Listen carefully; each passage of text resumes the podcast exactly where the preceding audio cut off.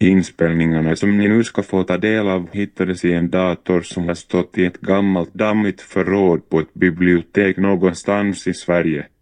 Ingen har använt datorn på många, många år. Vem det är som pratar på inspelningarna har vi ingen aning om. Ingen aning om, ingen aning om, ingen aning om, ingen aning om, ingen aning om.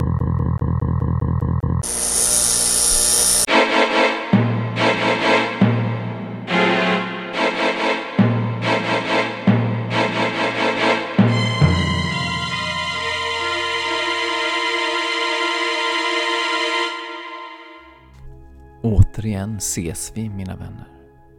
Hoppas att ni fortfarande lever och har det bra. Själv slutade jag andas för länge, länge sedan. Men om ni vill fortsätta att leva och andas har jag viktig information till er. Information som kan rädda era liv en dag. Idag ska jag tala om faror som lurar i våra sjöar, bäckar, åar och hav. Jag vill börja med att tala om Näcken. Näcken är ett farligt vattenväsen som kan finnas i åar, forsar, bäckar och sjöar. Han försöker dränka badare som inte är tillräckligt försiktiga. Om man ser blommande näckrosor är detta ett tecken på att Näcken finns i närheten. Då kan det vara klokt att sticka en kniv i marken alldeles vid strandkanten. På så sätt håller man Näcken borta. Näcken har en kuslig förmåga att ändra skepnad. Ena stunden kan han vara en gammal man för att i stunden efter förvandlas till en ung pojke. De som sett Näcken påstår att han har grönsvart hår och mörka, nästan kolsvarta ögon. Näcken spelar otroligt vackert på sin fiol. Men det är mycket farligt att dras med i hans musik. Då får han makt över dig och kan styra dig rakt ut i vattnet och dränka dig. Det har berättats om en kvinna som en gång satt och tvättade kläder vid en sjö någonstans i Sverige. Och hon hörde en melodi som kom upp ur vattnet. Efter ett tag blev melodin starkare och hon började gnola med lite. Melodin följde med henne hem och hon sjöng på den varje dag. Nästa gång hon gick ner och skulle tvätta så kände hon att det var något ute i vattnet som drog henne till sig som en magnet. Hon kände sig tvingad att gå ner i vattnet. Hon var väldigt nära att drunkna den gången och efter det låste man in henne i ett rum på gården. Men det finns andra berättelser om Näcken också. En del stora spelemän berättar att de har lärt sig spela fiol av Näcken. För att få lära sig spela Näckens sånger så ska man tre torsdagnätter i rad våga sig ner till forsen eller vattnet där man vet att Näcken brukar hålla till. Och så ska man sitta där och lyssna till vattnets brusande. Den tredje natten kommer Näcken och rispar din hand och tar tre blodsdroppar från dig. Men då får du inte bli rädd och springa iväg, utan stanna kvar. Sedan sitter ni där hela natten, du och Näcken, och övar. Och på morgonen kan du spela lika vackert som Näcken. Men glöm inte att ta med dig en gåva. En död katt i en säck vill Näcken ha. Men det kan vara farligt att spela sånger som du har lärt dig av Näcken. Ibland kan de som dansar till Näckens sånger inte sluta dansa trots att blodet skvätter från deras trötta fötter. En historia som har berättats handlar om hur en man började spela en sång på en dans och han kunde inte sluta. Och när folket hade lyssnat en stund började de dansa och kunde inte sluta de heller. Till och med stolarna och borden dansade. Då gick spelmannen ut och de dansande människorna följde efter och de dansade och dansade. Till slut kom en man som inte hade varit med från början och han förstod vad som höll på att hända. Han sprang fram till spelmannen och skar snabbt av strängarna på fiolen. Då tystnade musiken och alla stannade upp och såg sig om. De upptäckte att de stod ute i vattnet med vatten upp till midjan. Näcken hade försökt lura ut dem i vattnet och dränka dem. Bäckahästen är ett fruktansvärt rovdjur som finns i bäckar och sjöar. Den ser ut som en vacker hingst och är oftast vit. Men tittar man noga ser man att det inte är en vanlig häst man har framför sig. Munnen är nämligen full av sylvassa tänder. Bäckahästen är lika ondskefull som Näcken och många tror därför att det är Näcken som kan förvandla sig till bäckahästen. Bäckahästen lockar barn att sätta sig på dess rygg. När de väl är uppe på ryggen rider hästen i full fart rakt ut i vattnet. Nu ska ni få höra en berättelse om kärlek.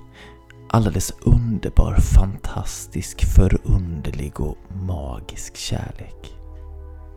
Kanske lite väl förunderlig och magisk om jag tänker efter. Lyssna noga. Jag stirrade på Elina. En kille, utbrast jag. Har du träffat en kille? Elina tittade ner i bordet. Jo, sa hon tyst. Jag har väl det. Väl? Antingen har man väl träffat en kille, eller så har man det inte. Elina lyfte sin kola. Sedan satte hon ner den igen, utan att dricka. Hon tittade upp på mig och log lite. Okej, jag har träffat en kille. Jag drack en klunk kaffe, grimaserade, hällde i mera socker och rörde om. Jag hade inte druckit kaffe så länge. Är ni typ ihop? Elina tvekade lite. Sedan nickade hon. Jag kände hur det stack till i mig. Av avundsjuka. Av oss två var det jag som var den killtokiga. Jag som alltid hade ett span på gång. Och nu satt Elina och sa att hon hade en kille. En riktig kille. Fast jag borde väl vara glad för hennes skull. Och det var jag. Lite surt glad sådär. Har du någon bild på honom? Elina plockade upp sin mobil, tryckte på några gånger. Så gav hon mig den, så jag kunde se. Jag bara gapade. Det var typ världens snyggaste kille på bilden. Med ljust, lite halvlångt hår och klarblå ögon. Han såg allvarlig ut. Och visst hade han bar överkropp. Man kunde se lite, lite av hans bara axlar. Han är skitsnygg Elina, sa jag. Grattis! Har du fler bilder på honom? Jag började bläddra bland bilderna, men Elina tog snabbt mobilen ifrån mig. Oj, har du nakenbilder eller vad är det? Äsch, det är bara... Det är några bilder som inte blev så bra. Elina la ner mobilen i sin väska. Var hittade du honom någonstans? Elina dog. Du vet nere vid klipporna, där du och jag brukar ses ibland. Vårt hemliga ställe. Jag var där ensam en dag, i slutet av juli, när du var bortrest. Jag satt där och läste och så bara kom han simmande. Äh, lägg av. Nej, det är sant, fortsatte Elina. Han var jättebra på att simma. Jag blev så himla impad. Och så ville han att jag skulle hoppa i också. Och jag fattade inte att jag vågade. Men jag gjorde det. På riktigt, sa jag. Där är ju rätt läskiga klippor. Var du inte rädd att du skulle slå dig? Elina och jag hade aldrig badat där. Det fanns skyltar som sa att man inte fick göra det. Vi brukade bara sitta och titta ut över havet. Elina lyfte kolan igen och nu tog hon en klunk. Nej, jag var inte rädd för något. Inte när jag var med honom. Vi simmade tillsammans. Det var liksom, liksom helt magiskt. Nej, jag ljuger inte sa hon. Allt är sant. Du kan få träffa honom i helgen. Okej, sa jag, men visste fortfarande inte vad jag skulle tro. Elina brukade inte hitta på, men det här lät bara lite väl mycket. Vad heter han? frågade jag. Merem, sa Elina. Hon såg faktiskt väldigt kär ut när hon sa det. På lördagen träffade jag Merem. Jag hade stämt träff med Elina i parken. Hon skulle ta med honom, sa hon. Han var minst lika snygg i verkligheten. Men en sak var jättekonstig. Alltså riktigt supermärklig. Han satt i rullstol. Och det är ju inte så konstigt egentligen. Det är det väl många som gör. Men Elina hade sagt att han var jättebra på att simma. Kunde man vara det om man satt i rullstol? Jag tittade på hans ben. Eller, ja, det kunde jag ju inte eftersom de var ordentligt invirade i en tjock filt. Jag sträckte fram handen. Jag vet inte riktigt varför. Det är ju sånt som vuxna gör när de träffar varandra. Men jag var väl lite nervös. Han tittade på min hand, som om han inte visste vad han skulle göra. Till slut tog han den slappt i sin hand. Han var svettig. Eh, Mila, sa jag. Han såg mig djupt i ögonen, som om han letade efter något där. Till slut förstod han nog att jag hade sagt mitt namn.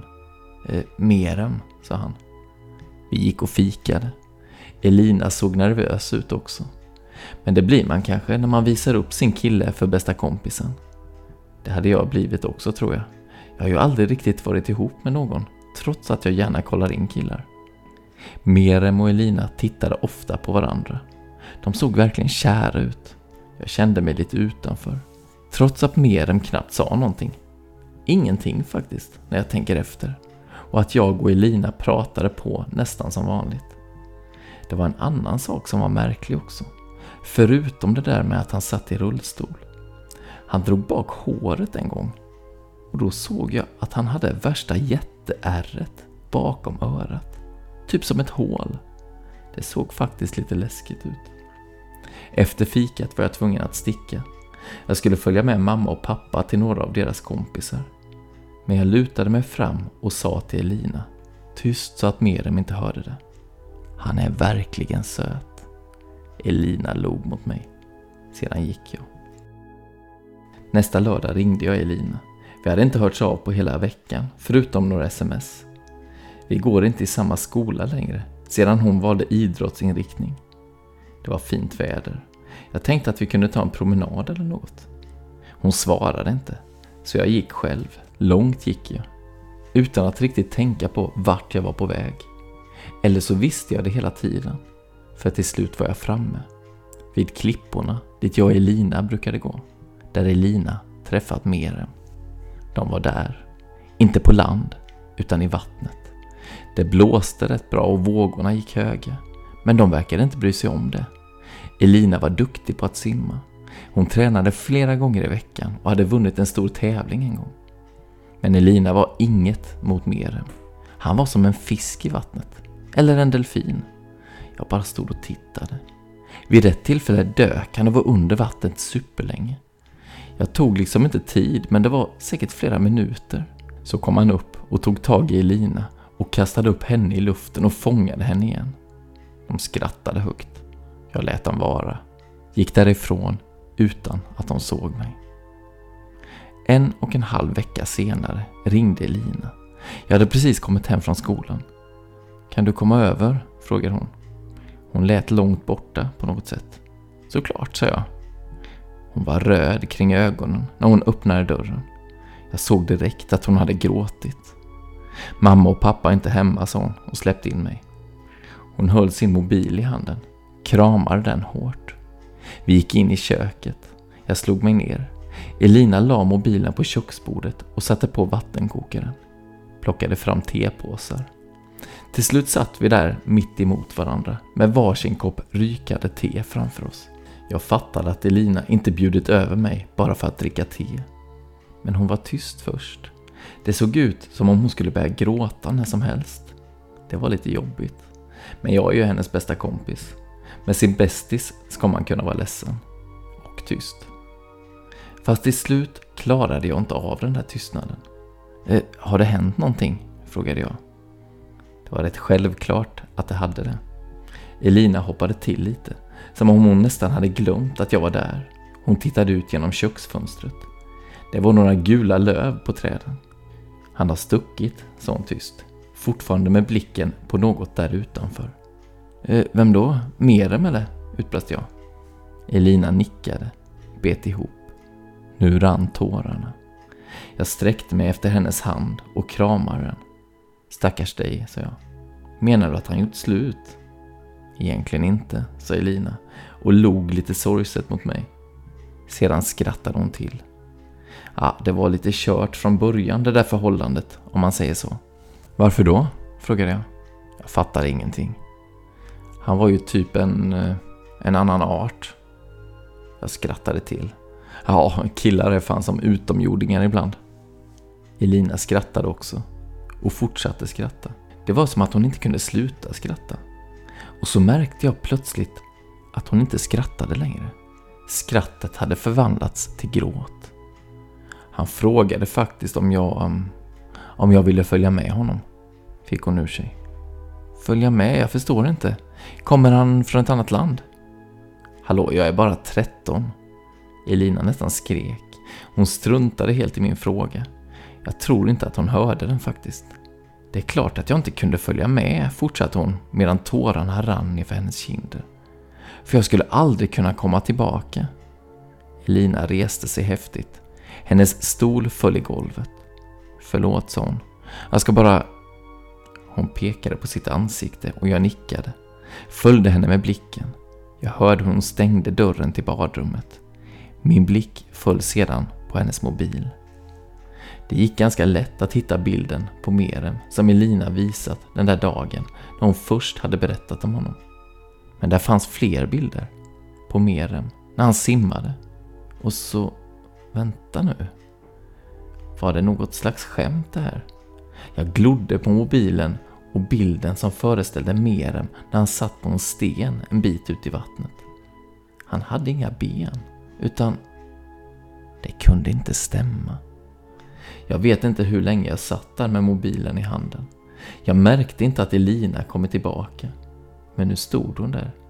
Tittade på mobilen i min hand. Hon pratade tyst. Nästan viskade. Han kunde inte vara hos oss för länge. Sa att han blev dålig av det.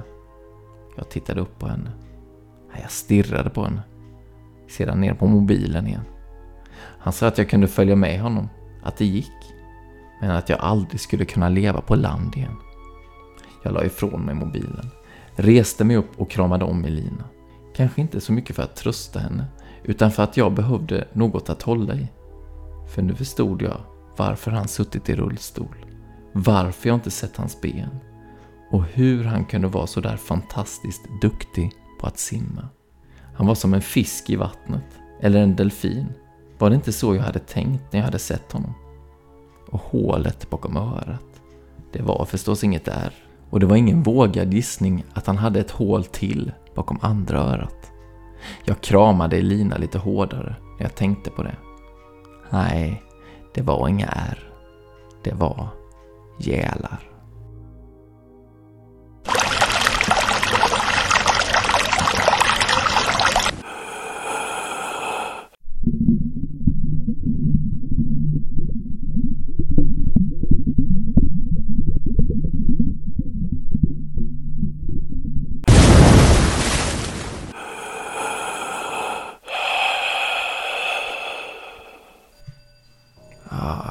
Skönt att vara på trygg, torr mark igen. Jag undrar hur det gick för Merem. Vad blev han av? Ibland kan man faktiskt se Elina stå och spana längtansfullt ut mot havet. Det var allt för den här gången.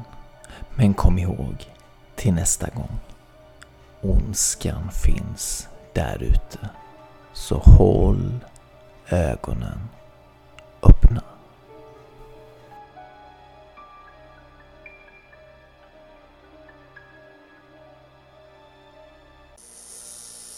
Berättelsen om Elina och Merem kan hittas i boken liksom Helt magiskt av Mårten Melin.